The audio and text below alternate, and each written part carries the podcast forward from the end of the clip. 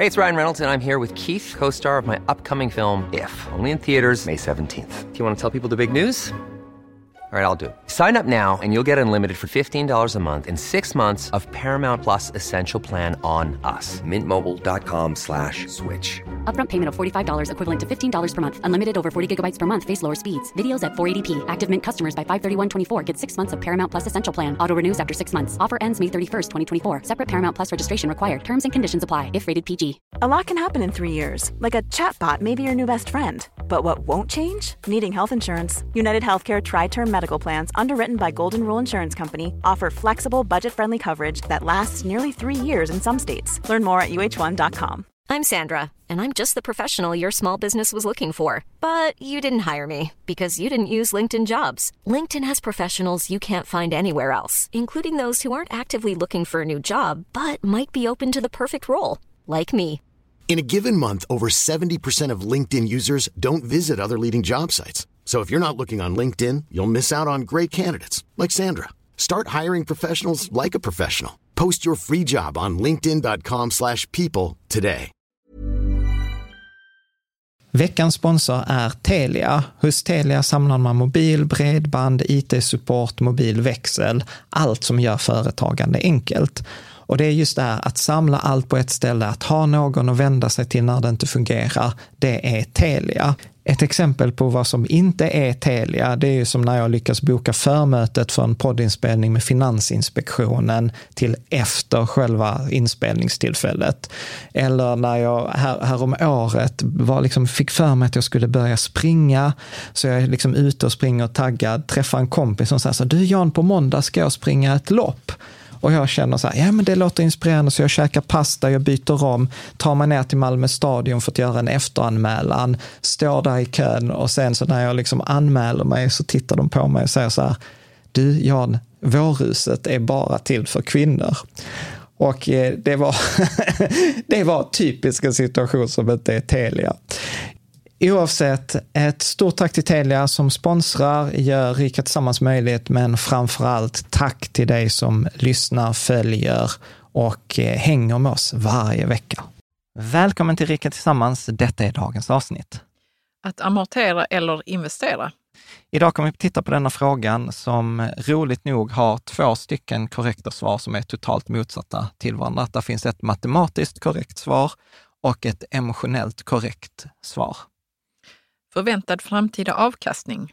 Vi kommer att prata just kring när det gäller det matematiskt korrekta svaret, att investera, så måste man ju titta så här, okej, okay, vad är den förväntade framtida avkastningen? Är den högre än räntan jag betalar på bolånet?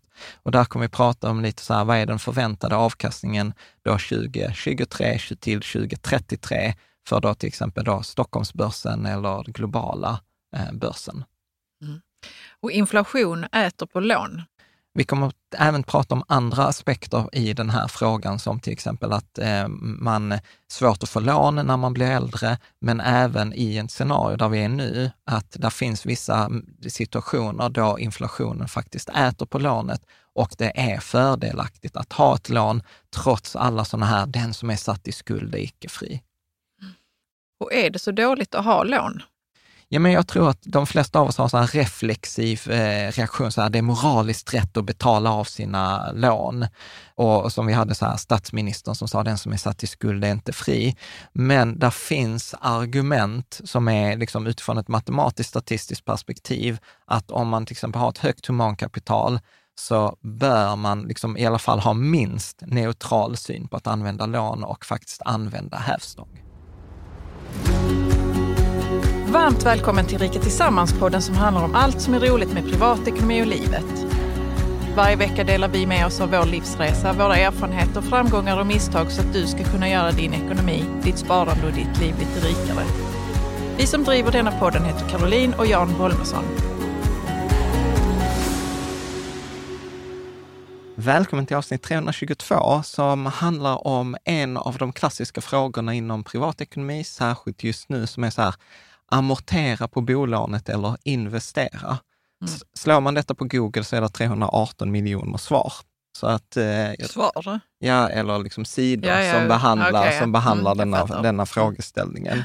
Så jag tänker att det, det är en populär fråga och senast vi tog upp denna var 2019. faktiskt tror jag avsnitt typ 102 eller 109. Mm. Så jag kände så att räntan är lite annorlunda idag mot vad den var 2019. Så jag tänker att det kan vara dags att eh, återbesöka eh, den här frågan. Och jag tänker så här, re, redan nu kan vi liksom, eh, där kommer en cliffhanger i slutet av avsnittet, men redan nu kan vi väl säga att det är en fråga som så ofta inom ekonomi har två stycken svar. Ett matematiskt korrekt svar, alltså hur man kan räkna sig fram till ett svar. Men sen är det ofta ett helt annorlunda liksom, eh, känslomässigt svar. Och det som jag gillar som många glömmer bort ofta är så här, man behöver inte välja. Man kan göra både och. Alltså lite, där, lite så här, the power of and. Alltså mm. att, och, och vi mm. tittar på det både utifrån perspektivet, så här, har jag en engångssumma som jag kan amortera eller kan jag extra amortera med hjälp av eh, att, jag månad, att jag flyttar mitt månadssparande från börsen, till exempel från min fondrobot i Lysa till till exempel då mitt bolån på Swedbank. Eh. Men kan du inte bara berätta så? Eh, eh, det finns alltså en alternativkostnad, typ? Ja, men exakt. Alltså, om man, om man, det, handlar liksom så här, vilket, vad, vad, är det som är bäst? Jo, jo, men okej, okay, så du har ett bolån ja. och du betalar av på det, du amorterar så att det ja. blir mindre och mindre. Och då betalar du egentligen till dig själv ju. Ja. Det är som ett sparande. Ja. Ja. Men det är ju också eh, ett sparande om du investerar någon annanstans. Exakt. Så du vill ju få högst avkastning. Ja, inte nödvändigtvis. Nej, kanske inte nödvändigtvis. Det finns mycket annat i spel här också. Ja. Men det är väl det som pågår, eller hur? Det är den frågan. ja, För vi, brukar vi... Inte, vi, vi har inte sagt varför den frågan dyker upp ens. Nej, men den dyker väl upp nu, att för att jag tror att nu är vi typ i september 2023 och eh, jag tror att det är så här, typ ja, 60 procent av Sveriges befolkning har rörliga bolån. Så jag tror mm. att det är mm. många som har upptäckt just nu att så här, shit på en fritt, att eh, jag betalar ganska mycket i ränta. Och, eh, och vissa är supermedvetna och har superkoll och har haft koll på detta rätt länge eller till och med ligger på den högre räntan. Och vissa var det som vi skrev i forumet, så bara så här, men jag upptäckte att det blev mindre pengar i slutet av månaden nu och jag visste inte riktigt varför. Då upptäckte jag att räntan har dubblats, vilket har för många, till exempel man har gått från en, en och en halv procent till exempel till tre procent eller kanske till och med från två till fyra till fyra procent. Och då är det räntan på ens bolån? Liksom. Ja, precis. Mm. Uh, och jag tänker precis, precis som vanligt när man lyssnar på oss så brukar jag säga så här, trust but verify, alltså lita på oss, men dubbelkolla och anpassa det till din situation.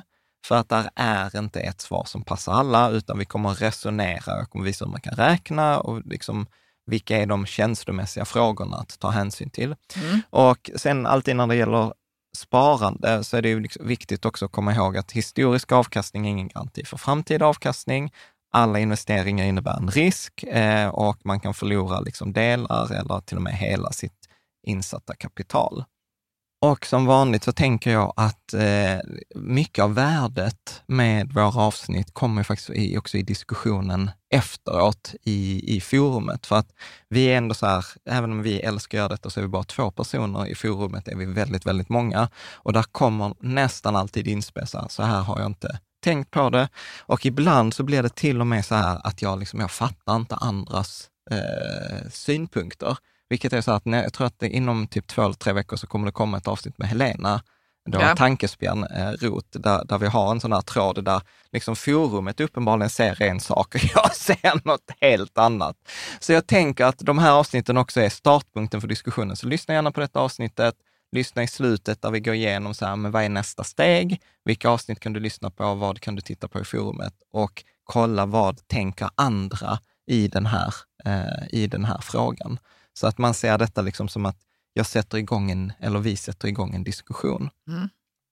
Så, och jag tänker också innan vi hoppar rakt in i, i avsnittet, så ett stort tack till eh, dig som är stödjer oss på Patreon, för att det är du och alla andra som gör de här avsnitten möjliga. Att nu har vi ju liksom haft, tror jag, ett antal avsnitt utan reklam, utan spons, liksom, utan behöva ha någon betalande gäst, utan vi kan liksom fokusera på en sån här fråga och göra ganska mycket research eh, yeah. för att säga, okay, så vad, vad, funkar bäst för dig och mig. Eh, så att, och sen försöker jag också att inte bara Patreon handlar om att det är ren välgörenhet, utan att du ska få liksom något tillbaka. Så att vi har digitala event, vi har lite extra material, vi har en analys vi kommer referera till här, till exempel av Stockholmsbörsen och massa annat. Och sen är det inget så att oh, jag måste vara med på allt, utan man plockar liksom helt enkelt guldkornen på vad man gillar. Och Då kan man kolla på patreon.com snedstreck rika tillsammans eller bara länken i, i beskrivningen. Ja, bra. Men jag tänker så här, om vi sätter igång och liksom backar ett steg, så tänker jag så här att målet för de flesta i ekonomi borde vara eh, ekonomisk rikedom och ekonomiskt välmående. Och eh, jag önskar ibland att jag hade kommit på detta själv, men detta är alltså eh, den amerikanska organisationen eh, eller myndigheten Consumer of Financial Protection Bureau, eh, som 2015 beskrev ekonomiskt välmående och ekonomisk rikedom som eh, att de delade upp det, att det handlar om idag och i framtiden. Att i form av ekonomisk trygghet så vill jag idag ha kontroll på min ekonomi, både på dags och månadsbasis, men i framtiden så vill jag ha förmågan att hantera en ekonomisk chock. Ja. Alltså, eh, så att jag vill kunna hantera något oförutsett. Men sen vill jag också idag ha friheten att kunna göra egna val och njuta av livet utan en begränsning. Och jag vill kunna eh, i framtiden uppnå de ekonomiska mål jag har satt. Ja. Så att jag gillar detta. Ja, men det är fint. Det är ja, men, fint. Då, men jag blir också så, vad är kontroll egentligen? Ja, men ha koll. Ha koll på att jag vet vart mina pengar går. Jag känner att jag kan styra flödet. Mm. Jag, kan, jag kan spela dragspel med min ekonomi. Att, eh, ja men, behöver jag dra åt svångremmen så kan jag göra det. Kan jag unna mig grejer så kan jag göra det. Att mm. jag, jag, är inte ett offer för min ekonomi. Nej, det, det, är, nej, väl, det, är, väl, det är väl liksom ja. det, tror jag de tänker. Mm. Och sen gillar jag just det här att det handlar om både om idag och imorgon. Mm. Eh, så jag ska inte fatta ett beslut idag som kan ställa till det för mig imorgon. Och detta applicerar faktiskt på eh, de här frågorna. Ska jag, ska jag amortera eller in, investera? För att ja, det kan kännas bättre att amortera idag, men jag vill inte sabba min ekonomiska framtid för att jag gör någonting idag. Och samtidigt så vill jag kunna liksom ha det livet jag vill ha eh, också. Så att det handlar hela tiden om att hit, hitta balansen, är ju, är ju tricket. Så att jag tänker ibland så är väl ett sånt här trick i problemlösning, eh, brukar väl vara så här, invertera problemet. Jag vet inte om du, du ser, Karo ser så helt frågande ut. Nej, jag funderar så på, okej, okay, ja. uh, vad ja, är det nu och ja, vilket problem kan jag tänka ut snabbt här som jag kan invertera så att jag fattar det? Ja, men till exempel så här, när bör jag inte amortera eller investera? Ja, okej, okay, du lägger in inte. Ja, till mm. exempel. Så att jag till exempel, man, man bör amortera på bolag och investera först efter att du har en buffert. Så liksom buffert tycker jag har företräde ja. innan, innan både amortering och investering i indexfonder eller fondrobot eller något annat. Så att man behöver alltid en buffert just, just för att kunna hantera den oförutsedda händelsen. Sedan så bör man också titta på att det finns inget så här nummer, så här, okay, hur mycket är lämplig buffert för, för att det beror väldigt mycket på livssituation. Att är jag student, 22 år gammal, bor i en studentlägenhet, så det som kan hända i mitt liv är ganska liksom begränsat jämfört med att ha två barn och bo i villa som är högbelånad. Yeah. Och eh, båda mm. jobbar i samma, i samma företag. Det är ganska hög risk i förhållande till att vara student ytterligare tre år. Så att tumregeln där brukar ju vara liksom från någonstans en till sex månadslöner. Och sen eh, är det ju där också klassiska Ann Wibble, så här, alla borde ha 12 månadslöner på banken. Sen tycker jag... Ja, det tycker du nej, också? Nej, nej, jag, nej. nej det jag tänkte... Jag, tyck, det, jag, tror, jag trodde att det var något som du tyckte. Nej, jag, det jag tänkte säga var att min upplevelse, också en sak jag läste i forumet, så att jag vet inte om detta är sant, men jag tyckte det lät rimligt.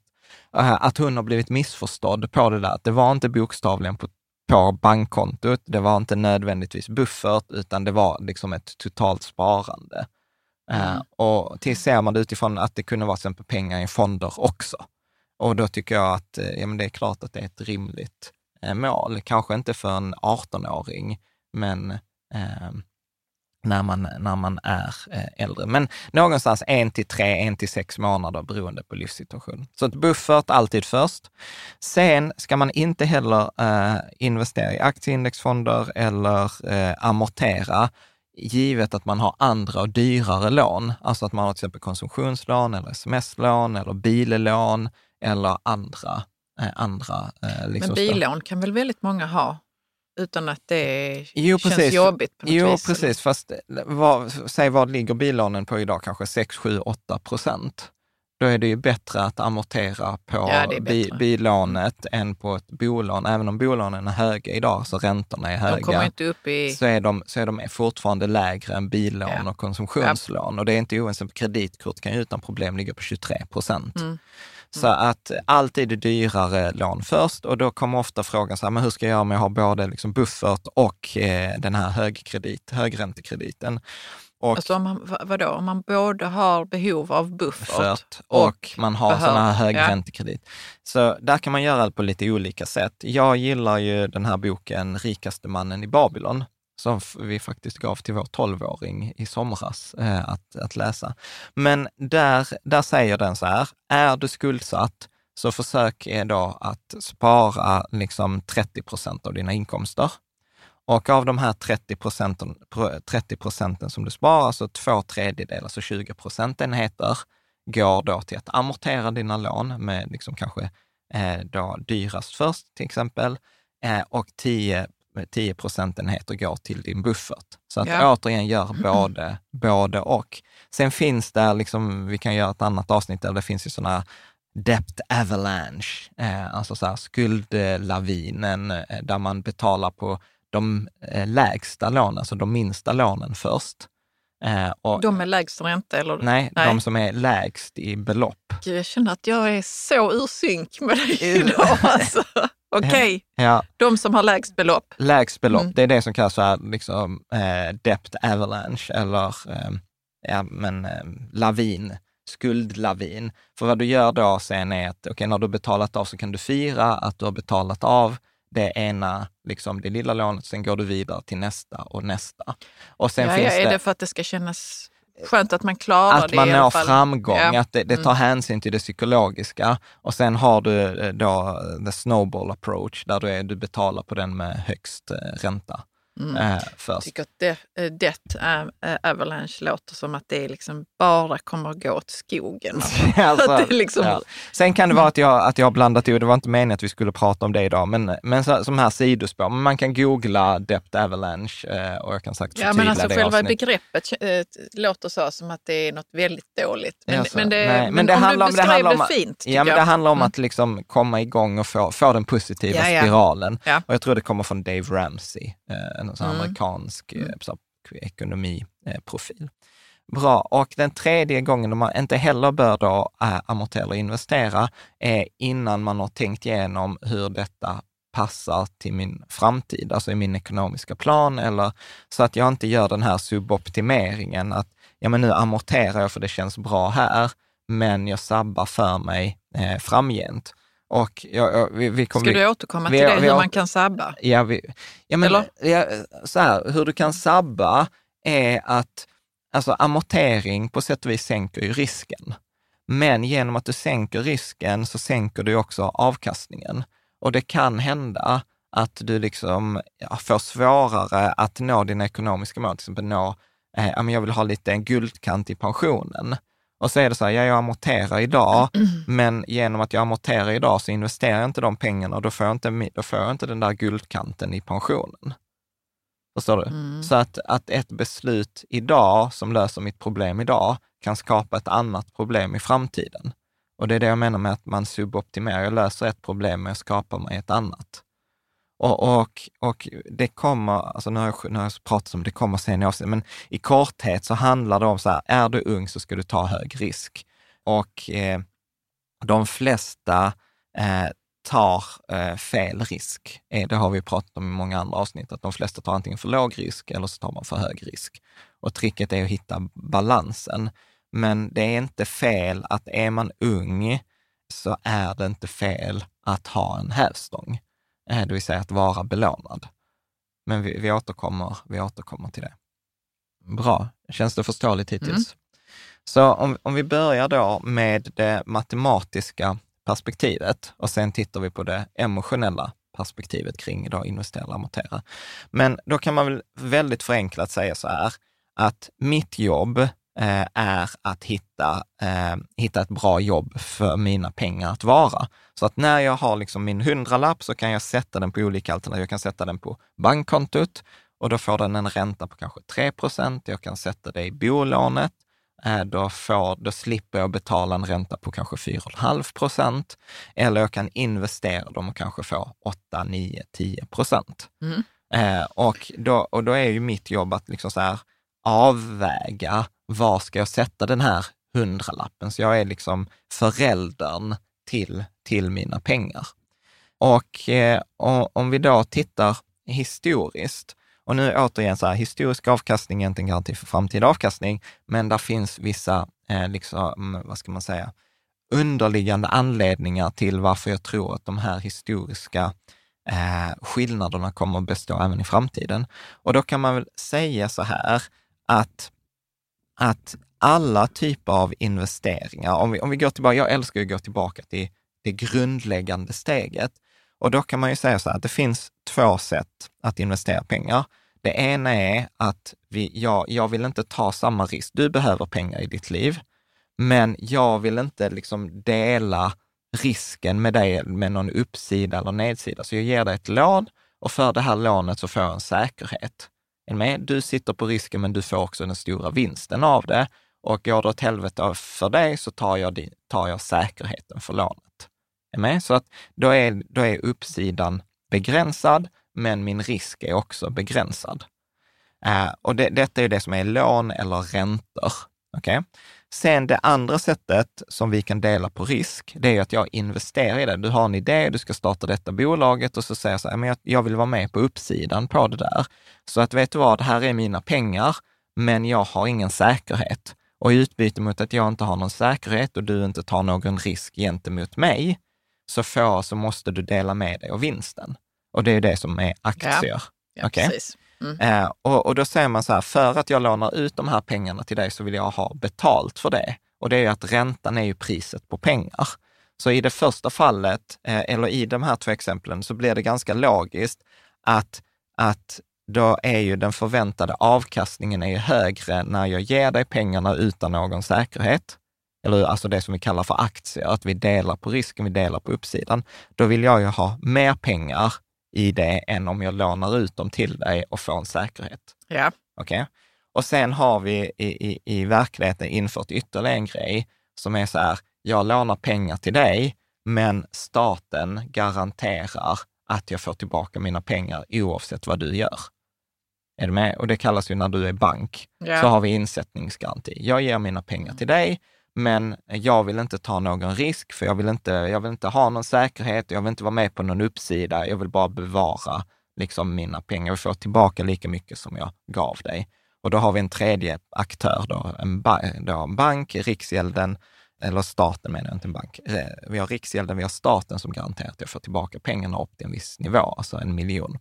Och, och därför kan man säga då att när jag vill prata om den här typen av jobb så kommer ett bankkonto alltid ge kanske mellan 0 och 2 procent, 0 och 3 procent. Idag tror jag att vi ligger på 3,5. Det är lite historiskt högre än vad det har, har varit. Så det är liksom den lägsta risk, lägsta avkastningen. Nästa steg blir då de här ränteindexfonder, alltså att vi liksom lånar ut mina pengar typ till alla, men jag har en säkerhet i form av det. Och då kan man säga att då kommer ju avkastningen vara högre än bankkontot, men lägre än aktier, så kanske 3 till 6 procents avkastning. Och sen har vi då aktieindexfonder, då vi har ännu högre än den här låntypen av investeringar, räntefonderna, där vi har kanske på 7 till 9 eh, procents Eh, avkastning. Så, att, hur, så då blir det liksom så här frågan, hur vet jag att aktier alltid kommer ge runt 7 procent? Eller hur vet jag att aktier kommer ge? Nej, det vet jag inte, men detta är den underliggande anledningen med risk. Detta kallas ju för riskpremien. Att riskpremien ökar ju när risken ökar. Det är därför det heter premie på risk. Så att, och, och finns det perioder då räntor går bättre än aktier? Absolut. Men som helhet så pratar man ju om detta att över en lång tidsperiod så ska ju aktier, eftersom det är högre risk, ge en högre avkastning än räntor. Okej? Okay? Känns det, det var lite så här historisk exposé, men jag tycker det är viktigt. Vad? Nej, Nej, men vad tycker du är viktigt? Nej, men jag tycker det är viktigt, för ibland så får jag höra så här, historisk avkastning är inte en garanti för framtida avkastning. Hur vet du att aktier kommer ge 7% avkastning? Mm. Nej, det vet jag inte, men sannolikheten är ganska hög att de över tid kommer ge detta snitt, för att över tid så kommer det gå tillbaka till de här fundamentala liksom antaganden att vad är ränta, vad är en aktie, vad är ett bankkonto? Och det vore ju väldigt konstigt om jag fick mer betalt på bankkontot där jag inte tar någon risk än för aktier där jag bär jättemycket risk. Ja. Och, och att säga så här att aktier kommer inte ge någon utveckling framgent, ja men du vet, då kommer vi få problem i räntemarknaden och då kommer vi få problem på bankkonton. Alltså så att, eh, ja, bra. Ja, men det var bra sagt. Ja. Mm. Så att vad man kan tänka på då, så att också lite förståelse, det, det är ju då att bolån är ju egentligen då en ränta. Så det, och det, det är också logiskt här, för vad gör bankerna? Jo, men bankerna, när de lånar ut pengar, så använder de inte sina egna pengar, utan de lånar ju upp de pengarna av någon annan. Eller de säljer detta som så kallade säkerställda obligationer och sen skär de mellan. Så man kan säga att ett bolån är ju egentligen bankernas finansieringskostnad för det bolånet plus deras marginal som de vill tjäna. Så att när jag betalar 4,5 procent så betalar jag 3,5 procent till någon räntefond och 1 procent till banken. Grovt, grovt mm. sagt. Mm. Eh, så, här. så det är därför till exempel nu, nu när vi är så 2023, vi har de här höga räntorna, bankerna tjänar ju pengar som gräs. Alltså det, det har ju aldrig varit ett så bra klimat för banker som att tjäna pengar nu. Men det har också vissa effekter som vi har en tråd på forumet, till exempel aktörer som Stabelo eller Hypoteket har det väldigt, väldigt tufft just nu eftersom deras räntor är generellt sett högre än bankernas eh, för att de inte har någon inlåning. Mm. Eh, bra. Så att detta är, och, och, detta är viktigt för att de här resonemangen återkommer ju sen. För att, att amortera kan man säga är en garanterad lön.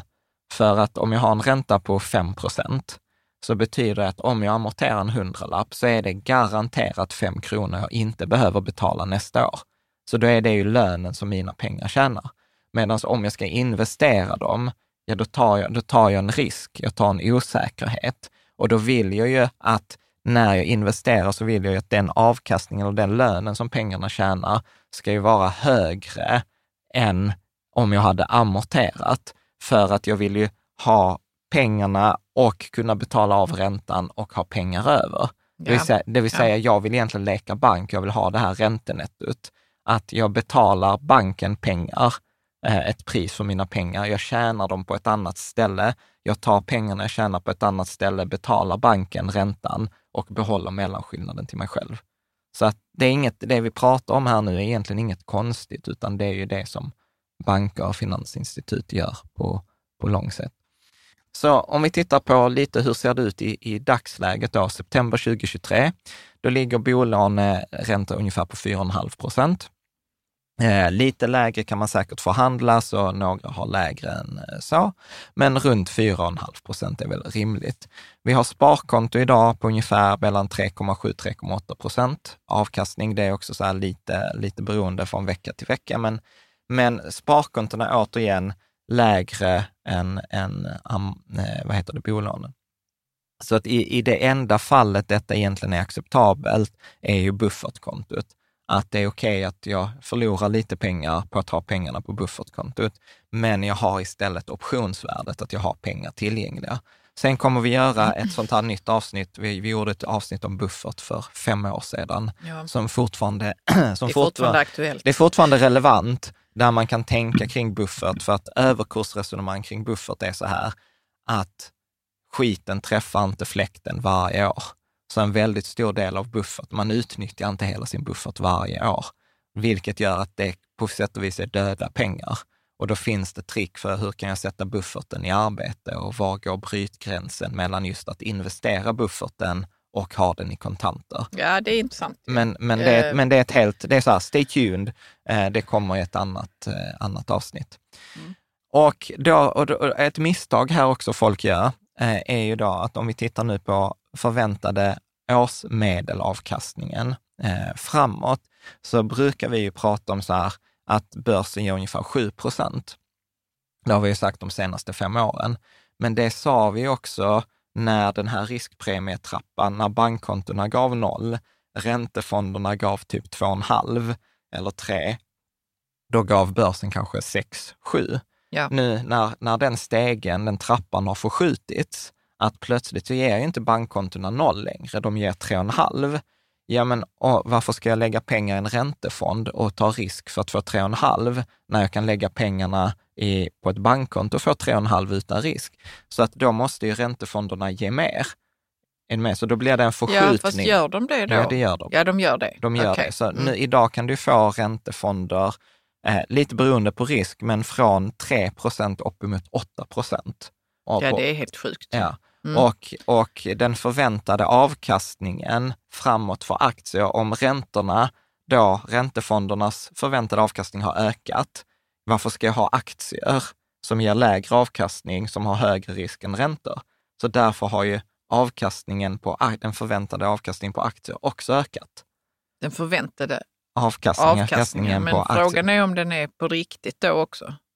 Alltså förväntad avkastning. Ja. Det är ju vi som förväntar oss. Jo, jo, men återigen, Jo. va, men, så här, nu trillar du i fällan igen. Ja, jag, jag vet det. Hur kan jag veta? Hur kan man veta? För som- att, för att varför ska jag ta, lägga pengar i aktier och ta en risk och ha en, ha en lägre förväntad avkastning än om jag sätter pengarna i räntefonder? Ja, jag förstår det Jan, men eh, och jag förstår att de hänger ihop. Då. Ja. Bankkonto, räntefonder Fonder och aktier, Jag ja. förstår att de hänger ihop i någon slags helig eh, trifecta. Nej, de, Men- de bara förskjuts. Ja, men Liksom, så om, om det avkastningen på... finns ju sådana undantag där saker händer. Vi har aldrig varit med om det här innan, att aktier ger mindre än räntor. Är du med? Att det skulle väl kunna hända, eller? Ja, absolut. Alltså sånt shit can ju happen och det är därför du... Det, det är ju Det är därför... för svengelska. Ja, förlåt. Eh, Ja, Okej, det kan hända. Ja, skit kan hända. Ja. Men återigen, jag kan inte planera mitt liv. Så här, jag kan bli överkörd när jag går över gatan. Ska jag planera mitt liv efter att jag blir över, över, efter den risken? Nej, det kan jag inte. Och därför kan man inte heller se detta på ett perspektiv på ett år eller en vecka, utan ja, men jag behöver ha ett kanske tioårsperspektiv. Okej, om jag gör detta, då gör jag detta på tio år, för på tio år, då kommer vi, liksom, den här tiden är vår bästa vän. Tiden tar bort den där liksom enstaka året, som till exempel förra året som var så här sämsta året för aktier och räntor på 300 år. Mm. Men det, det var ju som vi pratade i förra, förra gången, att det enskilda året har en ganska liten påverkan på ett 30-årigt sparhorisont eller på en 10-årig sparhorisont. För det suddar ut, det suddar ut det enskilda året och på något sätt så blir det ändå att det kommer tillbaka till fundamenta. Eh, Förstår du? ja. Du ser skeptisk ut. Nej, nej, jag bara började tänka på ett annat avsnitt när vi gjorde med Opti. Alltså, Så började jag bara fundera på det. Med Vadå? de här åren som spelar roll och sånt där. Men det hör inte hit. nej. Det hör inte hit. Ja. Mm. Så att, så att för, för att sammanfatta det här då, så när då, om man tänker på de här byggstenarna, när riskpremien har skjutits upp för bankkonto från tidigare varit 0 till 3, eh, räntefonderna har också då skjutits upp från att det har varit, ja men säg 3 eller 2 eller 3 procent, så har de ökat nu kanske till, vad ska man säga, 4, 4 till 8 ja då har ju aktie, den förväntade aktieavkastningen också skjutits, eh, skjutits upp. Eh, och där, där finns det ju många olika sätt att värdera. Hur värderar man aktiemarknaden? Och ett av de, de vanligaste är ju till exempel det här som kallas för CAPE, liksom då cyclically adjusted PE-tal. Ja. Ja, det var skitdålig svenska, men det är så här, jag tror det Nej, är men det var till och med obegripligt eh, på svenska. Nej, men man tittar på så här då, det här klassiska P-talet. Vad kostar liksom företagens vinster? Hur värderas de? Hur många, lite krasst, hur många år, årsvinster behöver jag för att få tillbaka eh, min investering? Och då brukar man väl säga så här att klassiskt så, så ligger det kanske på 18 eller 30 eller 45 och då är det dyrt och 18 är billigt, liksom, eller så här, under 18 är billigt etc. Och så kan man kolla liksom historiskt på det där. Och eh, då har vi till exempel André Granström eh, i forumet eh, som, som också varit med gäst i ett av avsnitten. Eh, han eh, har pratat om det här, tittat på Stockholmsbörsen och tittat globalt. Vi har haft, till exempel på Patreon så hade vi en sån här extra föreläsning med Henning Hammar, investerarfysikern från Börslabbet, som också pratade om det här. Och eh, där finns sajter eh, som till exempel Research Affiliates som, som gör de här beräkningarna. Så då, då ställer de sig frågan så här, vad är liksom sannolikt att de kommande tio åren, vad kommer den förväntade avkastningen vara och på olika till exempel börser, liksom Stockholmsbörsen, globalt etc. Och det vi kan uppleva nu, det är, tror jag ingen som har märkt att den svenska kronan är låg att Stockholmsbörsen har gått ganska dåligt eh, de senaste åren. Och eh, inte senaste åren, senaste året, eller senaste mm. ja, 2020, 2022. Ja. Så den förväntade årsmedelavkastningen för den, för, för den svenska börsen är mellan 8 till 10 procent realt, alltså innan inflation. Eh, lägger vi på inflation kanske 2-3 procent, det betyder att den förväntade avkastningen på Stockholmsbörsen de kommande tio åren i snitt per år ligger med någonstans mellan 10 och 12 procent. Vilket är liksom rimligt med att vi har sett förskjutningen på bankkonto och räntefonder. Uh, och jag tror Research Affiliates, eller någon gick, gick ju till och med ut så att ja, vi har över 90 procent sannolikhet för en real avkastning på 5 procent i snitt per år de kommande tio åren. Eh, och 5 procent realt, eh, det är ju 7 procent eh, kanske. Säg, Men vi nominellt. pratar om börsen nu? Ja, svenska börsen. Så att, att säga att det är 90 procents sannolikhet för 7-8 procents avkastning de kommande tio åren, det är ganska högt. Mm. Du ser ja. väldigt... Nej, nej, men jag, det är så svårt för mig att fatta det, hur, det kan, hur den förväntade avkastningen kan vara så hög. För, men, ja, men, men jag tänker, jag, jag, jag kan inte detta området här. Ja. Med också nationalekonomi och sådana saker. Men det känns som att det går dåligt för Sverige och så blandas det in i mitt huvud. Liksom. Att, att då kommer det heller inte bli bra på börsen. Förstår du? Ja, ja jag fattar. Men, men återigen. Men det blandar vi inte in? Nej, eller? Men, nej, men jag nej, tror för... att, men, så här, återigen, det är därför jag tjatar. Tänk hellre på det utifrån riskpremiehållet. Är ni med? Och om, så här, om, om den får, du säger så här, det, det är dåligt och då säger du så här, men det, det går dåligt för Sverige, dålig krona, dåligt företag. Då, då borde ju avkastningen vara lägre, eller hur? Det är det du argumenterar för. Ja. Ja.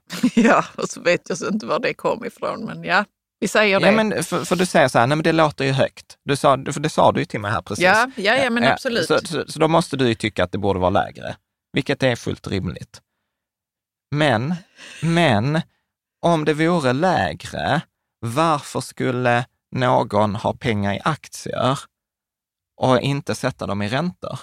Du får en högre avkastning till en lägre risk. Ja, men kan det inte vara så att folk vill göra det då? Jo, och precis. Ja. Och vad händer då?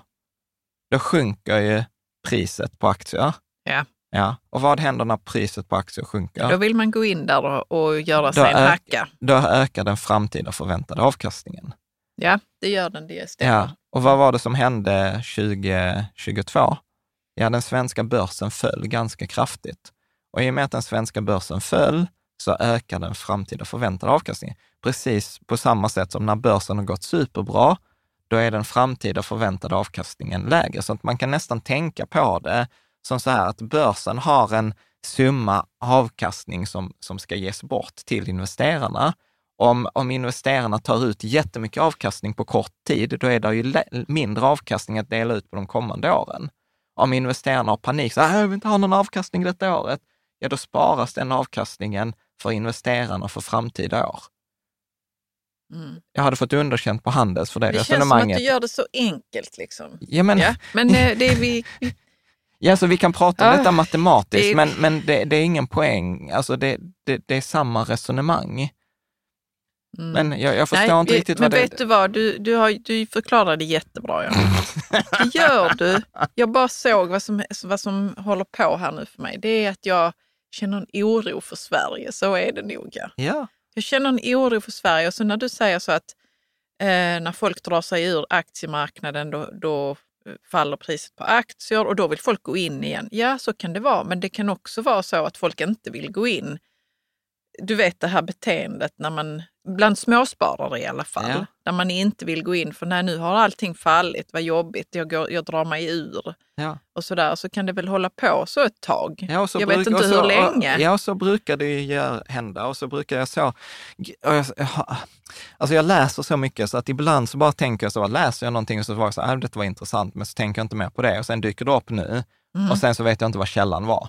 Men, men jag tyckte mig läsa här om veckan att trenden nu under 2023 är att många eh, sparare har sålt, eh, eh, har sålt eh, eh, vad heter det, sålt svenska fonder och aktier för att de har gått dåligt och så har de köpt globala indexfonder. Ja. Och, eh, och det är ju det vi brukar rekommendera, det är det som långsiktigt fortfarande är bäst, så att det är inte fel. Men om man tittar liksom med ett lite kortare perspektiv, man tittar på de här grejerna, så är ju inte det helt logiskt. För då betyder det så här att vi säljer det som är billigt, som vi förmodligen har köpt dyrt. Så vi har köpt dyrt, sålt Ja. billigt Mm. och sen flyttar vi eh, pengar till en global indexfond. Och en global indexfond just nu är ju så här 70 procent dollar. Så vad är det vi gör? Vi köper ganska dyra amerikanska aktier som har gått bra. Vi köper dem för en ganska dyr dollar, som en dollar som aldrig varit eh, dyrare än, än så här. Så att vi gör ju så att det är liksom så här klassiskt, gör ju småspararen fel igen i, i de här situationerna. För jag tror också att, jag tror det var Henning då på Börslabbet som pratade om att i- förhållande på den, liksom, värdet på den svenska börsen versus amerikanska börsen har ju liksom inte varit, eh, många decennier sedan det var så stor prisskillnad mellan då svenska och engelska, amerikanska börsen. Det var uppemot, tror jag tror han sa 60 procent. Eh, jag tror han, han sa också att han skulle skriva en artikel om det nu i september någon gång, så att man får vänta på hans artikel och jag kommer lägga det i forumet. Betyder detta nu att du och jag och alla andra som har sparat i Lysa till exempel, ska, eller har globala inne, att vi ska sälja dem och köpa Stockholmsbörsen? Nej, det innebär det inte. Jag vill bara vara supertydlig med det. Däremot kan det ju innebära så här, man behöver inte vara arg på Lysa för att de har 20 procents exponering mot Sverige. För, för i detta fallet är det liksom positivt. Går det, går det liksom, är detta, ska man tajma marknaden på det här? Nej. Så att, och, och vad gör vi själva? Ja, men vi själva har behållit alla våra pengar på Lysa, vi har behållit våra pengar i indexfonder.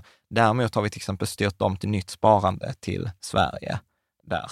Och vi har också styrt om en viss del att istället för att ta aktierisk så har vi tagit med ränterisk, då till exempel med de här, eh, vad heter det, efter avsnittet som vi hade med Captor, att titta på till exempel högränte, högränte high yield-fonder. Eh, så att nej, du sitt still, har du en bra båt, sitt still i båten. Det gäller fortfarande. Jag vill bara liksom visa, visa nyanserna. Att, liksom, att köpa en global indexfond, att spara i Lysa, det är, liksom så här, det är de där 80 procent rätt, 90 procent rätt. Eh, vill man hålla på med sin lekhink, ja men då är Stockholmsbörsen, har en hög förväntad avkastning. Och sätter vi samma värderingsmodell som vi använder på svenska börsen, på den globala börsen, så har de kommande åren, har den globala börsen lägre förväntad avkastning just nu 2023 än vad den svenska har. Där den globala börsen ligger på kanske 3,5 till 4,5-5 procent realt. Och där är också sannolikheten är kanske mellan 20, säg runt 20 procent för 5 procent real avkastning de kommande 10 åren versus 90 procent sannolikhet för den svenska börsen. Ja, Eh, Så att, okej. ja. Mm. Så att vi ska gå vidare, men jag vill bara, du bara skrattar Ja, åt vi mig. ska gå vidare naturligtvis. Ja, men vad skrattar du åt mig Ja, för? men jag skrattar inte åt dig, jag skrattar åt att, att, eh, att vi behövde gå in på det här. Jag vet inte ifall det kan uppskattas på något plan av våra lyssnare. Eller så var det bara jobbigt. Ja, men vi får se. Men återigen, jag är fortfarande, vi, vi har, det är inte som att vi har pl- plötsligt gjort ett avsnitt av Stockholmsbörsen, Nej. förväntad avkastning, utan vad, vad handlar detta om? Jo, men detta handlar om, för att om jag ska ta detta beslutet, amortera eller investera, så behöver jag veta vad är i andra vågskålen. Och det Ja. vi pratar om nu, vad är andra vågs, vad är investeringsvågskålen? För att det jag kommer investera i då är ju indexfonder. Ja, och då kan jag säga så här att, ja men globalt, investerar jag globalt, ja men då kan jag räkna kanske 6-7 procents avkastning. Pratar vi Stockholmsbörsen så kanske jag pratar eh, 8 till 10 eller 8 till 12 procents avkastning. Så att återigen, de, de är så detta var ett väldigt omständigt sätt att säga att även om räntan på bolånen har ökat, så har den förväntade avkastningen på investeringar också ökat. Det är inte att bolånen har ökat och sen är, sen är den förväntade avkastningen på investeringar samma, utan det hänger, det hänger ihop. Bra. Så eh, om vi, om vi då skulle ta ett, bara liksom ett enkelt exempel, så säg att eh, jag kan eh, till exempel spara, nu, nu gör jag beräkningar på 100 000. Det motsvarar kanske nästan ett månadssparande på 8 000 i månaden. Det är jättehögt. Men grejen är att räknar man på 100 000 så är det väldigt lätt att säga så här, ja men jag sparar eh, 800 kronor i månaden för då är det bara att ta en tiondel. Så att exemplet är inte är gjort för att det ska vara enkelt att applicera, inte för att det är ett realistiskt exempel för de, för de flesta.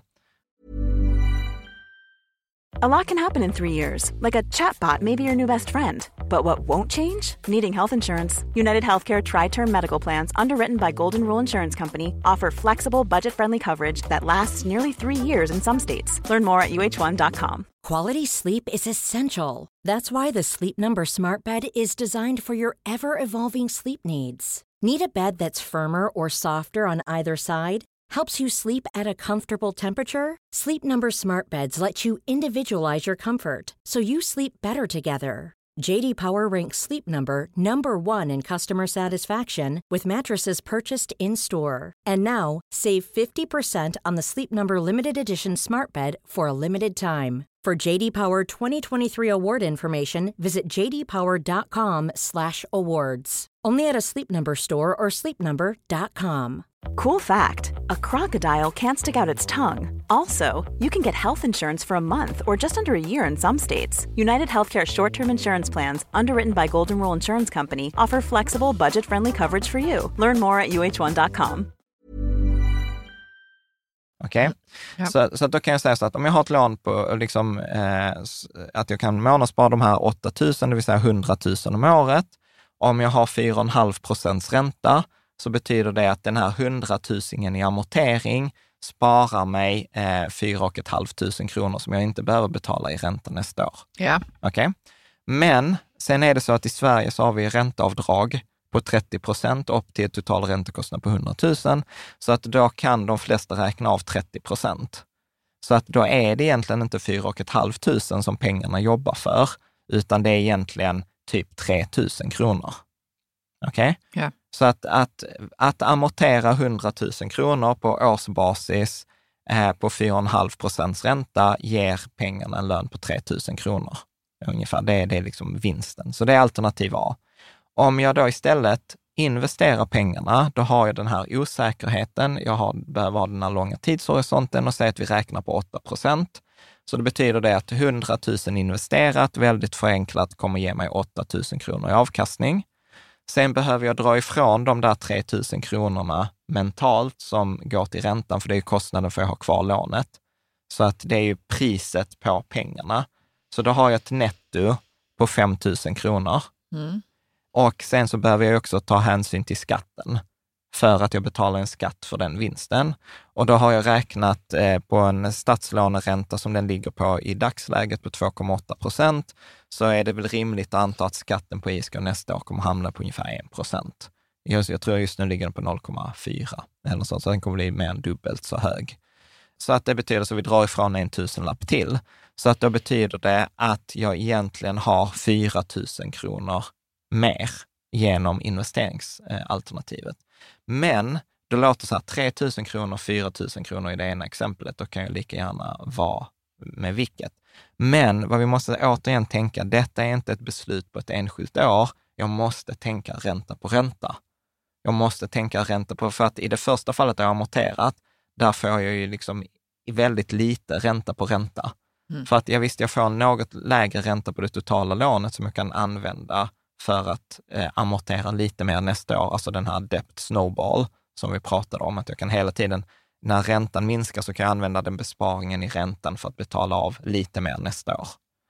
Eh, Medan i det andra fallet så får jag en klassisk ränta på ränta-effekt på de pengarna jag har över. Och då har jag ritat upp det så man kan gå in på forumet och kolla den grafen.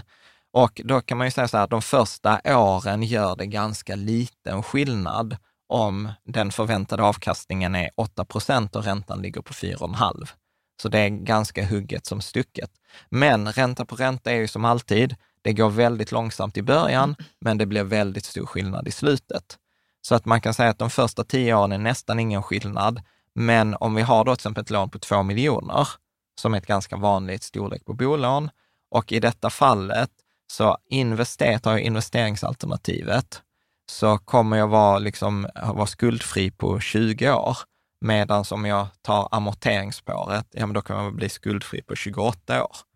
Så att jag, jag, jag kan liksom tänka i detta i termer av år, att hur mycket snabbare skulle jag kunna vara skuldfri? Och det blir ganska logiskt att om jag har pengarna, om jag ska amortera själv eller jag har pengarna som ökar, liksom som jobbar ihop nya pengar, så borde det gå snabbare att kunna Mm. betala av lånet än, om, ja. än om Mm. jag ska bara göra allting själv. Så i lite siffror så kan man, kan man väl säga så här att efter tio år, så vid amorteringsscenariot, ja men då har du kvar eh, liksom ett, e, då har du ett eget kapital på 1 440 000, medan amorteringsalternativet då är det 1 400 eh, eh, förlåt, tvärtom. Eh, jag har ett värde Eh, vid amortering, alltså jag har kvar 1 440 000 har jag kvar på lånet om jag amorterar, men om jag investerar så har jag 1 400 000. Så att det går lite snabbare, men det skiljer bara 40 000. Men efter 20 år, ja, då har jag kvar ett lån på, eh, på 720 000, medan som jag har investerat, då har jag bara kvar 425 000 i lån. Det vill säga att jag har investerat, vad jag menar då är att jag investerar pengarna och sen det sista 20 året när vi jämför så tar jag alla pengarna jag har investerat och betalar av lånet. Ja, jag fattar. Eh, Men du har ju också... eh, Se, vad har du räknat med då i den här i lånet? Då har du räknat med att man har ränta på det så att det blir större om man inte amorterar av det, eller? Nej, nej så jag, jag har gjort två beräkningar. Ja. Så i det ena fallet så har jag räknat så här att jag, jag tar mitt månadssparande Mm. och så amorterar jag. Ja. Och, sen, och sen så gör jag så här, pengarna jag sparar på att ha ett lägre lån, för då får jag lägre ränta nästa år. Ja, precis. De tar jag också och amorterar. Mm. Så att jag får, eh, jag får den här snöbollen. Ja. Eh, Så att, så att jag amorterar ju mycket mer sista året än det första året eftersom jag betalar lägre ränta det sista året. Då finns det mer pengar till att amortera. I det andra exemplet, alltså investerarexemplet, då räknar jag med då eh, att jag får en avkastning. Jag drar ifrån skatten. Jag drar ifrån kostnaden för lånet. Så att det blir liksom rättvis jämförelse. Ja, och sen tar jag precis. Mm. hänsyn till ränteavdraget i båda, båda Mm. situationer också. Så att vad man kan säga så här, återigen, på kort sikt så spelar det nästan ingen roll vilket beslut man gör. Men på lång sikt så kommer ränta på ränta-effekten igång och det gör stor skillnad. Och precis som vanligt, procenten gör jättestor skillnad. Att om jag skulle tänka så här skuldfri i detta fallet, eh, så var det så här, om jag bara amorterar, att jag säger ingen investering, jag, jag får ingen hjälp av mina pengar, utan jag kör bara amortering. Så att, ja, men då tog det 28 år att, i det här caset att bli av med hela lånet.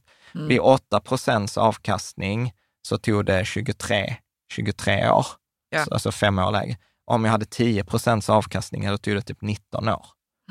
Så att en eller två procents avkastning som vanligt spelar stor roll. Jag kan lägga ut, så här, jag har inte gjort någon sån här superbra snurra som är så här idiotsäker, men jag kan lägga ut en länk till den här Google Sheets-filen, så, Ja. så kan man kolla hur jag har Du- räknat. Och du har satt ihop den själv för att få ihop det här. Ja. Eftersom jag själv nu också försöker räkna på, på en grej som ska komma i ett kommande avsnitt så är jag så här, fan vad det är jobbigt med alla de här du vet, kostnaderna som man ska räkna med och så kommer Ja. den inte då det året utan det kommer ett Ja. annat då. Ja, ja. Jag vet inte, jag har inte sett, det kanske finns någon räknare som är jättebra på nätet. Men, men det är kanske, återigen, men- återigen en sån grej som säkert någon i forumet kan Mm, hjälpa till mm. med. Men, detta Men då väl, känns det också som, som när du lägger fram det här. Ja. Det känns som att man, man vill ju kanske inte hålla på med amorteringen då. Förutsatt att man tycker att det är okej med alla, all, alltså att det kassaflödet man har i vardagen. Att det, Ja, vi kommer, vi kommer till det känns Är du med? Ja. är, Och, i, och i, i, det här, I det här exemplet så räknade jag faktiskt på, uh, på 4 000 kronors månadsspar när vi tog de här sista exemplen. mm, Så att, så att skitsamma, det är alltid svårt att ge bort ett räkneexempel på podd. Utan så här, kolla, beräkningen kommer finnas i forumet eller i länken och Ja. jag kommer lägga den här Excel-filen eller Google Sheets-filen så får man kolla på det. Men poängen att ta med sig är så här, ett, man kan tänka på det i form av år. Det är ett schysst sätt att jämföra. Man behöver ta hänsyn till ränteavdrag och man behöver också tänka på att här, det kommer vara liten skillnad i början för ränta på ränteeffekten. Det är ju den som funkar även i det här fallet. Och att man måste tänka på det på tio års sparhorisont. Du kan liksom inte ta detta beslutet på 12 månaders eh, sparhorisont, för det, det, det är för kort för att det ska bli någon skillnad, det är för kort för eh, risken etc. Och nu har vi pratat om det som att jag har, tar mitt månadssparande och sätter, men resonemanget är faktiskt samma även om jag har liksom en engångsinvestering. Att jag, tar, jag, har, jag fick ett arv på 500 000 eller jag säljer av mina aktier och Mm. amorterar på 500 000. Så att det blir, det blir samma, samma e- e- effekt. men gud, när du säger så, att man kan ta kanske ett arv på 500 000 och amortera av. Ja. Är det inte så att du kvider lite grann inombords bara, fast det hade varit bättre att sätta dem i, Nej. Nej. eh, Alltså in i investering? Nej men så här, matemat, så här, om jag ska sammanfatta här. Matematiskt så, kommer, så ska det alltid, över en tioårig, tioårig sparhorisont, så ska det vara bättre att investera än amortera. Det ska ge dig mer pengar eftersom du bär mer risk. Det, det är den enkla logiken. Finns det tioårsperioder då börsen har gått sämre än räntor, Eh, ja, alltså jag tror senast vi hade en sån tioårsperiod var typ 1929 till 1939. Men alla tioårsperioder sedan andra världskriget i Sverige har varit positiva. Så att, så att återigen, i, man kan, alltså så här, osäkerheten är priset du betalar för att få avkastningen. Om det inte vore någon osäkerhet, om det inte vore någon risk, så vore det ingen avkastning. Så återigen måste vi hela tiden... Ja, jag förstår det, men jag, jag frågade dig personligen så. Eh, Känns det inte sexigare att sätta det i någon investering än att lägga det i, i amortering? Jo, om, om målet är vinstmaximering, men om, om vi kollar på det känslomässiga perspektivet då, att då kan man vara till exempel så här, att det var någon som skrev, vi har haft, vi har haft en del sådana här diskussioner på forumet, så skrev, jag tror det var Harvest, som skrev så här, det är moraliskt rätt att vara skuldfri. Har du, har du liksom... Ja, jag förstår att det, är det kan vara ett mål för vissa. Ja. Ja, och pratar vi, pratar vi i Sverige, så här klassikern, så här, den som är satt i skuld är inte fri, så är det ju absolut ett emotionellt värde i att vara skuldfri. Där är flera i forumet som har skrivit så här, och nu har jag betalat av det sista på mitt bolån, eller nu har jag liksom, jag har varit skuldfri de senaste åren. Och de beskriver det som en oerhörd lättnad. Jag vet inte, jag tror aldrig jag har varit skuldfri sedan jag var 18, så jag kan inte riktigt relatera till den känslan. Nej, men det är jätteintressant ju. Ja, så att då, då kan det absolut trumfa att jag får mer pengar. Mm. Och, och, och det är då vi kommer in på den här frågan, är så här, behöver jag vinstmaximera? Behöver jag bära risken? Förstår du? Att, Jag fattar. Att, Mm. Nej, det, det, jag kanske har vunnit det ekonomiska spelet eller jag har, är på väg att vinna det. Det är så här, varf, varför bära med sig hela den här stressen nu för att undra, alltså du vet, tänk så mycket konversationer där är i samhället just nu, så här, vad ska Riksbanken göra? Ska de höja Ja. räntan? Och vissa är helt utcheckade, så här, jag bryr mig inte. Jag är helt utcheckad. Ja, precis, men du är så här happy-go-lucky. Jo, men det är också för att jag bara, jag bara tänker att jag sätter dem på lysa. jo, precis, till, liksom. ja, precis, men du har ju mindre pengar att sätta pengar på Jag lyset. förstår det, men, men eh, jag, jag bryr mig inte om det. Ja, jo, jo absolut. Men, men, men där är också andra effekter av det här som jag har tänkt på. För att Mm. vi har ju, äh, återigen man kan göra både och. Så vi har ju lite, jag brukar säga så här, ska man vinstmaximera, säga så här, överamortera inte utan följ amorteringskravet. Vi har överamorterat på, på Mm. sistone. Och jag kommer ihåg att jag överamorterade här, här om året när räntan fortfarande var låg. För jag insåg så här, om jag har, säg 100 000 på, på Lysa, så kommer jag inte ta ut 100 000 från Lysa att använda de pengarna för att vi ska åka på semester. Nej. Men om jag däremot tar 100 000 och betalar av räntan, som eh, då ger att jag, gör, att jag kommer ha 4 500 kronor mer, då kan jag absolut använda de 4 500 kronor för att ta en spa-weekend. Förstår du? Men jag kommer inte använda 4 500 från Lysa för att åka på spa. Nej. Så att på det sättet, och detta är bara så mental bokföring, att, att det är lättare att använda pengar som finns på kontot till följd av en lägre räntebetalning än vad det är att liksom behålla räntebetalningen, sätta pengarna på Lysa eller i vilket annat sparande som helst och sen ta ut dem för att åka på en sparweekend. Och utifrån det här avsnittet som vi hade här med Sparfällan här om veckan, att ja, men tänk om det är så att vi kanske borde unna oss mer eller att göra, använda våra pengar för att göra livet rikare, så tror jag till exempel så här, att det är lättare att använda pengar för att göra livet rikare genom att amortera och få mer pengar över i slutet av månaden än att ha lägre pengar över i slutet av månaden, men att balansräkningen växer. Förstår du? Det lång... Ja, men vi har ju gjort som du ville ju, amorterat. Ja, precis. Men det enda som var sugigt var ju att sen dubblades ju räntan. så att de där pengarna som jag såg skulle bli över på kontot i slutet av månaden, de blev ju inte över. jo, att... men först, vi har ändå varit glada över att vi inte fick mer. Eh, att, eh, alltså att det blev inte ännu mindre. Nej, nej, exakt. Över på kontot ju. Ja, fast åter nu trillar du i fällan igen. Mindre, ja fast det hade blivit mer på Lysa. För det, jo, jo, det hade blivit mer Lysa, men de peng, det är som mental bokföring som du sa. Ja, ja för de hade vi inte använt, nej, för, att åka, inte använt dem, nej. För, för, att åka på spa. Så att, så att där, är, där är en sån här aspekt på det mm. också. Mm. Eh, en annan aspekt är ju så här upplevelse i tid. Det är lätt att prata om det, det är lätt att titta på en graf på tio år och så tänka så här, ja men det där går fort. Men alltså förra året när börsen gick ner, alltså då, då kändes ju ett, tolv månader som en evighet. Jag menar att det kändes som decennier. Så att där är, där man kan säga att det är fysisk tid och där är den här beteendemässiga tiden. Och att, och att leva i den här beteendemässiga tiden, då är ju tio år är ju en evighet. Så att det är också en aspekt man behöver liksom titta på, tänker jag. Och att också så här, pengar som jag amorterar, där ser jag ju resultatet direkt. Det är redan nästa månad yeah. kommer jag få mer pengar över. Medan investerar jag pengarna, ja, även om vi pratar om att det är hög sannolik förväntad avkastning, det, är så här, det kan gå ner i två år.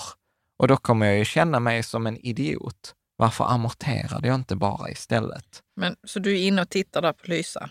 och ser hur det går ner då? Nej, jag, jag, jag var, försöka... är det du ser, var är det du ser att det går ner? Ja, men ja, är man hyfsat ekonomiintresserad så har man väl en känsla för, du hade ju ändå en känsla för att det gick dåligt för Sverige.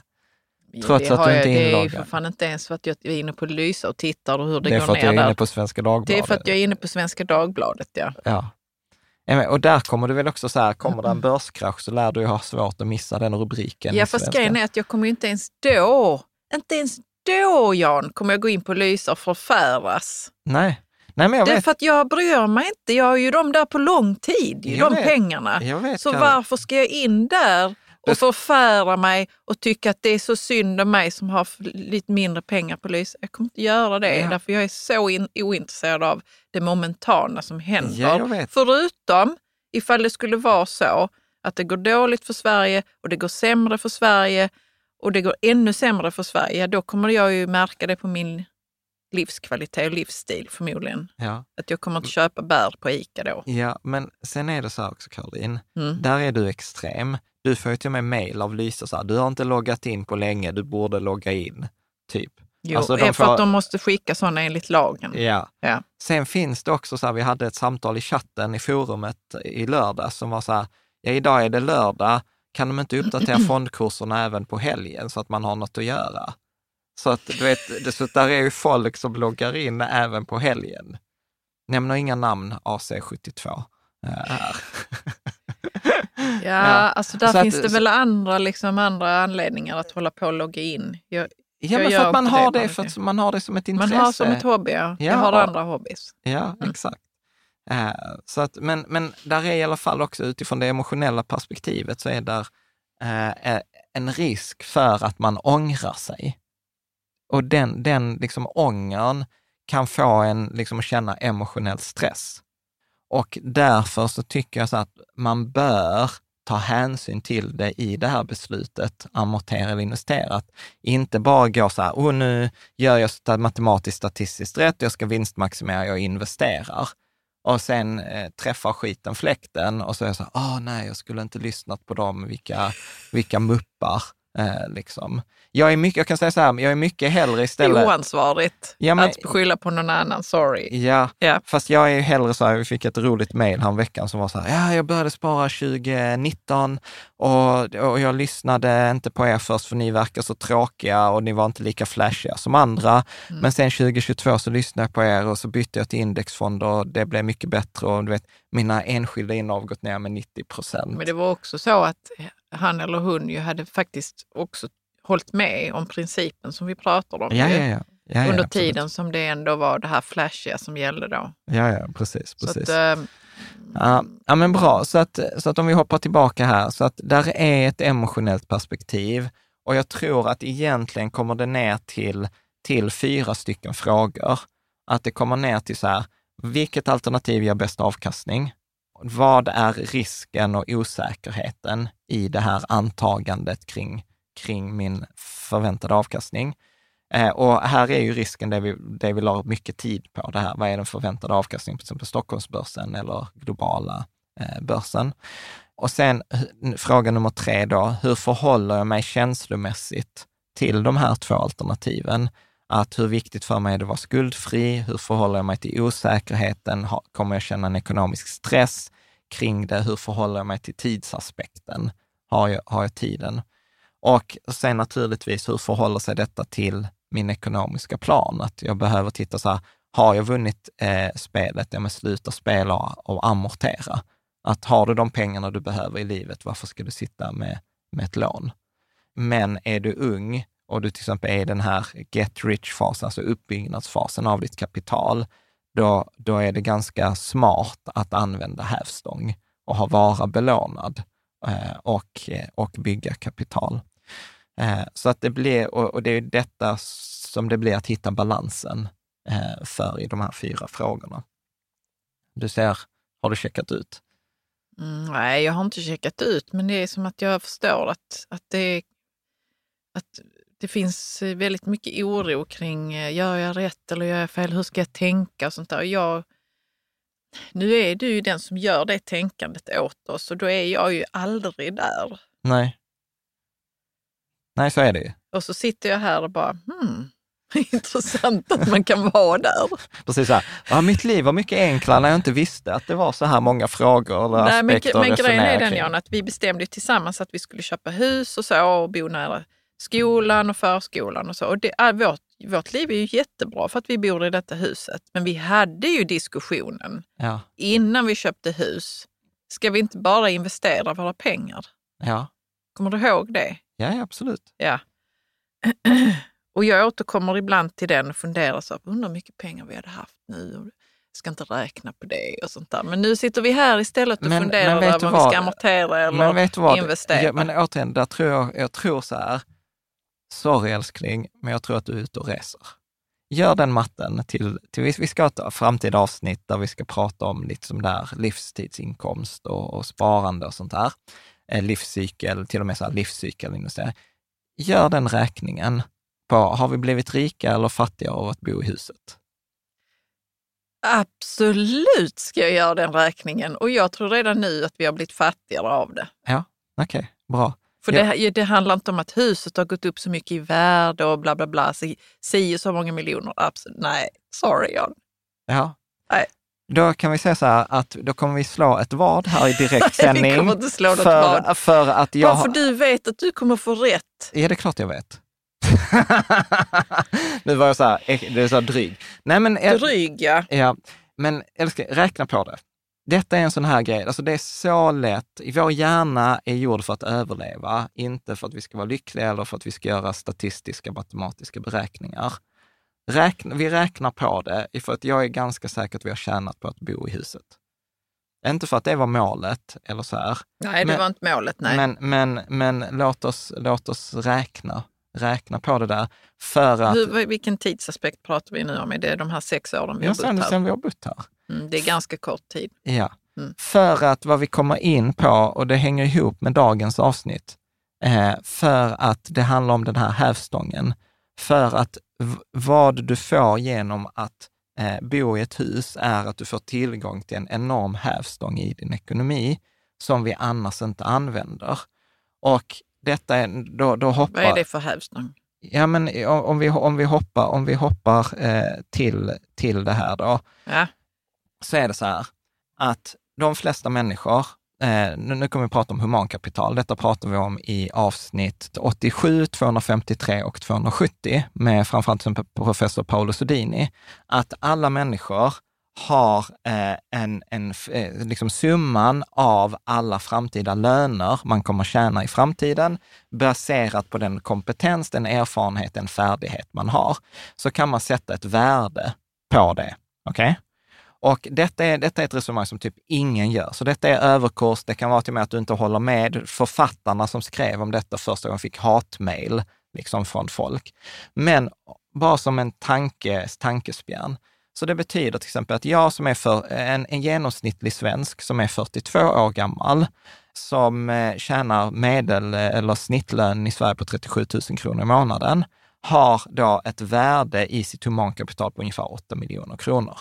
Okay, det, kan, det kan man räkna fram. Det är alltså värdet på alla framtida inkomster till, för den personen tills den går, eh, tills den går i pension. Mm. Är du med på det? Mm. Okej, okay. bra.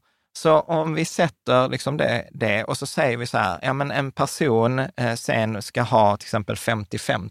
Jag, jag vill inte ta så mycket risk i, min, i mina investeringar så jag tar 50-50 är med. Jag investerar 50 procent i aktier och 50 procent i räntor. Ja. Okej, okay? och så investerar den personen 100 000. Ja. Då har de investerat 50 000 i aktier och man kan argumentera för till och med om att vi säger så här, ah, men jag tar jättemycket risk, jag tar, 100, jag tar alla pengarna i aktier. Så jag tar 100 000 kronor i aktier. Alla mina besparingar, är ingen buffert, ingenting, 100 000 i aktier. Så då, då, skulle de flesta säga att den personen har jättehög risk. Till och med om den personen skulle vara wild and crazy, så jag vet vad, jag lånar ytterligare 100 000, så jag har 200 000 i, i aktier. Är med? Då skulle ganska många säga att den tar personen tar en hög risk. Yeah. Mm. Sätt de 200 000 i relation till de 8 miljonerna som är i det här humankapitalet. Då är 100 000 är ju knappt, det är lite mer än 1 procent. 200 000 är typ 2 procent. Är du med? Så att då säger man att, okej, okay, men titta den här personen om man titt, zoomar ut, har jättelåg risk. Och detta är det som kallas för livscykelinvesteringar. Detta är det Paul Samuelsson fick Nobel, inte detta, men det var Nobelpristagare som hade detta resonemanget först. Det finns en bok från 2010 som vi ska göra ett avsnitt på. Och det betyder att, okej, okay, för att vi ska kunna ha, liksom, ha en bra framtid, till exempel bra, bra pension, att du kan unna en guldkant, då kan jag unna mig att använda lån. Jag skulle till och med kunna belåna upp den där hundratusingen åtta gånger till 800 000 eh, och ha i aktier för att jag har fortfarande mindre än 10 procent av mitt totala värde. Hänger du med? Ja, jag hänger med. Ja. Mm. Så återigen, så vad är det jag argumenterar för här? Mm. Jo, jag argumenterar för att en person med högt humankapital det vill säga en person som har mycket framtida inkomster, vilket ofta hänger ihop med ålder, borde vara belånad. Varför pratar man inte om detta i vanliga fall, att en person med högt humör borde vara belånad? Jo, för att de flesta är belånade via sin bostad. Okej? Okay? Och, och, grejen är att vi har en ganska sned syn på lån rent generellt, att vi har pratar om så här att ja, men den som är satt i skuld är icke fri etc. och lån är dåligt och liksom belåna aktier, det är wild and crazy. Men vi har inga problem att belåna vårt boende åtta gånger. Det vill säga köpa en bostadsrätt för en miljon, gå in med 150 000 kronor, låna 850 000. Det är ganska normalt. Mm. Men att låna liksom ha 150 000 kronor och låna 30, 30 000 kronor till aktier, ja det är wild and crazy. Och, och, och, och detta är liksom ett ganska känslolöst argument. Eh, alltså står det att nu tittar vi väl, verkligen på det så här, rent matematiskt, vi pratar om humankapitalet, många kommer protestera i kommentarerna så här, men humankapitalet är inte verkligt, det är en påhittad summa. Och så är jag så här, ja, fast det är på den humankapitalet vi får lån av banken. Så i bankens perspektiv anser ju inte de att det är en påhittad summa. Och enklaste beviset är så här, var 65 år gammal och försök låna, ta ett bolån. Du kommer inte få ett bolån även om du har ett högt värde i ditt hus, för att ditt humankapital är väldigt lågt. Alltså Ja. summan av dina framtida inkomster är låg. Mm. Och, och det roliga är att eh, 27 januari 2014 så skrev, släppte Riksbanken ett PM som hette så här, Riksbankens PM om hushållens skuldsättning. Och på sidan tre i det här så kan du läsa vad de skriver. Mm. Resultaten visar att det för i stort sett alla hushåll sannolikt är optimalt att belåna sin bostad maximalt upp till bolånetaket för att sedan investera den resterande delen av förmögenheten i aktiefonder eller i långa räntefonder. Men varför säger de det här? Jo, för att liksom, om man tittar på det utifrån ett livscykelsperspektiv, om man tittar på det utifrån det här matematiska, men de tittar ju bara på det utifrån ett matematiskt perspektiv, ja då är ju detta ett matematiskt, statistiskt bett eller liksom vad, eh, en satsning där du har oddsen på din sida. Mm. Men, men det går tvärt emot det emotionella, där vi har så här, det är moraliskt rätt att vara utan lån. Vilket är så här, nej, det tittar vi på det utifrån ett livscykelsinvesteringsperspektiv, tittar vi på det utifrån ett matematiskt perspektiv, så är inte amortering, tänk om amortering inte är det smartaste. Och jag tycker detta är fantastiskt. För Jo, detta, men det var ju det jag sa ju innan ju. Eh, att eh, att eh, egentligen så borde man ju då, när du visar den här grafen, att då borde man ju inte amortera så mycket utan bara köra på med sin eh, investering. Och så, så, så pratar vi om det känslomässiga och, och sådär. Exakt. Men nu pratade ju du och jag om att jag undrade hur mycket pengar vi skulle haft om vi vi istället skulle investerat alla de pengarna som vi hade Exakt. mm, Men vad var det och vi... fått under de här åren istället för att då sitta i huset och amortera. Och, Exakt, Caroline. Mm. Men vad var det vi gjorde när vi köpte huset? ja, vi har belånat oss och haft, Vi har fått en hävstång. hävstång. Ja, Vi jag har förstår att vi har en hävstång. hävstång. Vi har hävstångat Jo, ju- något fruktansvärt. Vad? Ja, med risk att jag verkar dum nu. Ja. Så, så undrar jag så, hur har vi använt den hävstången? Ja, genom att huset har ju, eh, vi köpte huset för typ 7,7. Ja, och, det- vi och- la in inte 7,7 utan Nej, mindre. men, men Absolut, ja. ja. precis. Och sen har ju huset ökat i värde. Trots, att, trots att bostadspriserna har fallit Mm. så har det ju ökat, så är det ju värt mer idag. Det är värt över 10. Jag vet inte, detta är också roligt, kommer du ihåg att i natt så letar jag efter din telefon? Ja. Ja, vill du veta varför jag letar efter din Du telefon? skulle väl göra någonting? Jag, skulle, jag behövde ditt bank-id. Ja. Ja, för att det var en tråd i forumet att Skatteverket har skickat ut de nya taxeringsbeskeden. Så vill du veta vad, och du vet vad ett taxeringsvärde är på Ja, ett hus? ungefär vet jag vad det är. Ja. Mm. Det är att, 75, att taxeringsvärdet motsvarar 75 procent av det uppskattade marknadsvärdet. Ja, på Okej. huset. Ja. Så det betyder att om man vill veta vad Skatteverket tycker att din bostad är värd, så Mm. kan du ta taxeringsvärdet och dividera med 0,75. Mm. Okej. Vad, vad tror du att Skatteverket upplever att vårt hus är värt? Kanske 8-9. Mm, 11,5. Ja, det- jag vet inte hur de har tänkt där, men Okej, det, Så- är du med? Så att vi har haft en värdeökning på 3-4 miljoner i vårt hus. Det, och Mm. de, de 3-4 miljonerna på de här åren hade vi inte kunnat investera oss till utan den här hävstången. Är du med? Så att vad, vad jag pratar om här är egentligen inte, nu har jag ju tagit avsnittet i överkurs, men jag har tagit det från att spara eller amortera till egentligen så här, spara, amortera eller belåna. Men Mm. att prata om att belåna, att använda hävstång, det är ju lite kontroversiellt i, i dagsläget. Men, men det är därför jag säger att vi ska göra ett separat avsnitt. Håll dig till frågan så här, amortera eller investera. Men, men liksom börja liksom nysta, överväga den här tanken att hävstång, om man har ett högt humankapital, är ett, ett verktyg som är fullt rimligt att använda. Och att det finns liksom matematiska, vet, alltså vetenskapliga liksom belägg för det. Men det, det, är så ointuitivt för oss att de flesta liksom så här skjuter taggarna ut, inklusive jag själv. Och vi blir lurade precis så som du blev lurad. Men jag känner inte mig lurad. Jag vill veta hur mycket du... vi har amorterat i så fall för att jag ska kunna räkna på detta korrekt. Ja, det... Och så kommer jag att simulera för mig själv att vi säljer huset, hur mycket vi får då. För att jag undrar hur mycket över, eh, alltså hur mycket vi får över då.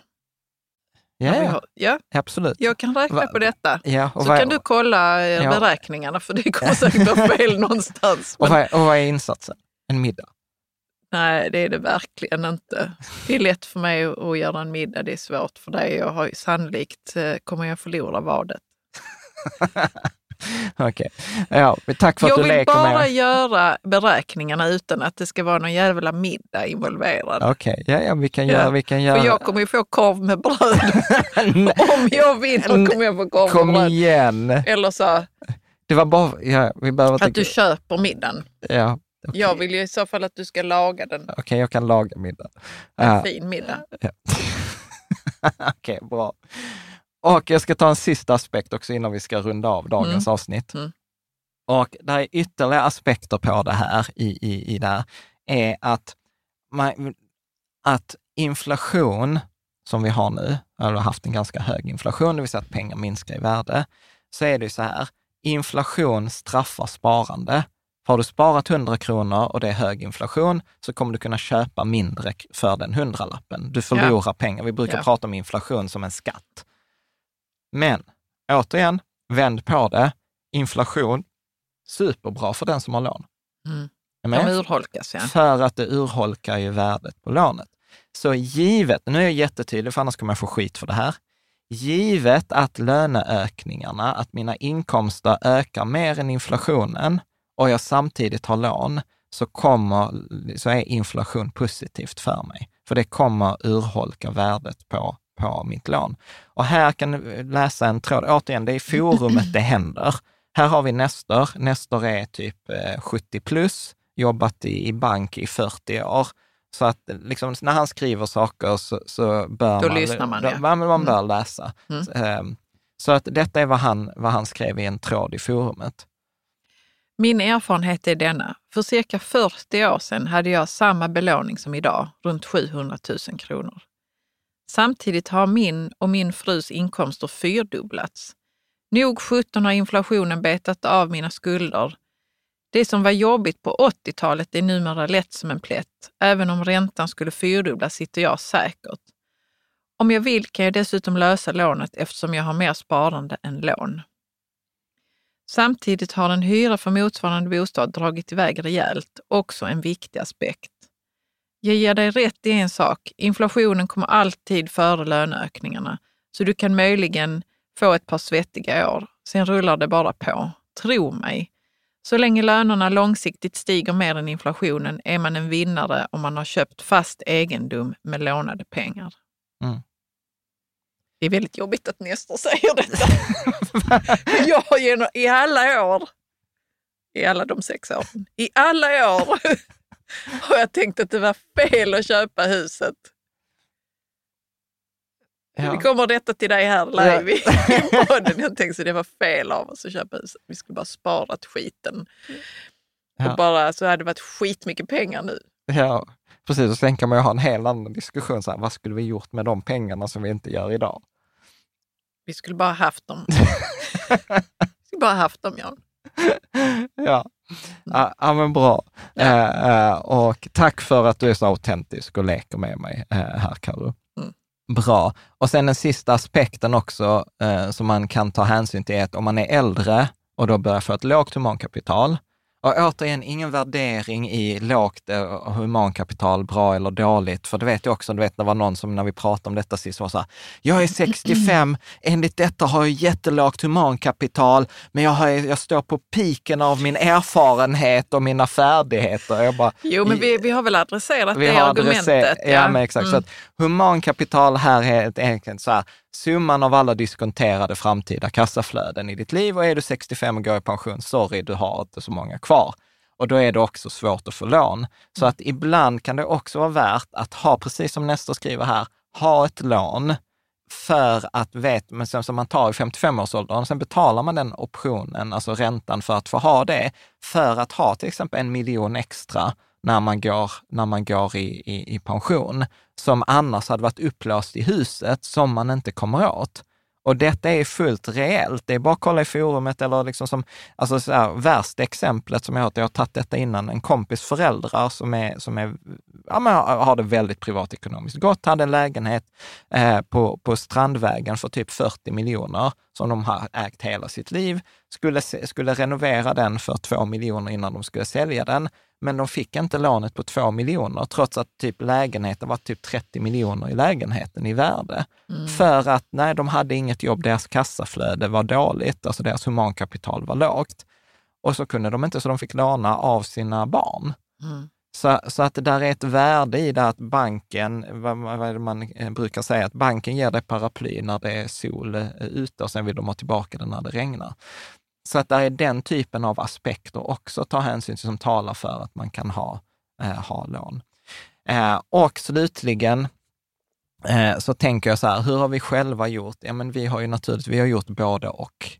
Vi har, ja. vi har överamorterat, vi har eh, behållit vissa liksom, aspekter där vi har till exempel nu inte amorterat i år trots att räntan är hög.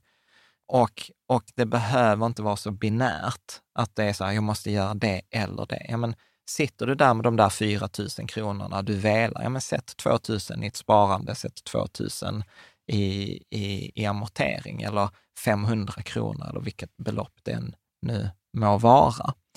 Eh, och, och, så här, om jag skulle, säga utan att veta någonting om någon annans ekonomi, så brukar jag säga så här, men följ amorteringskravet.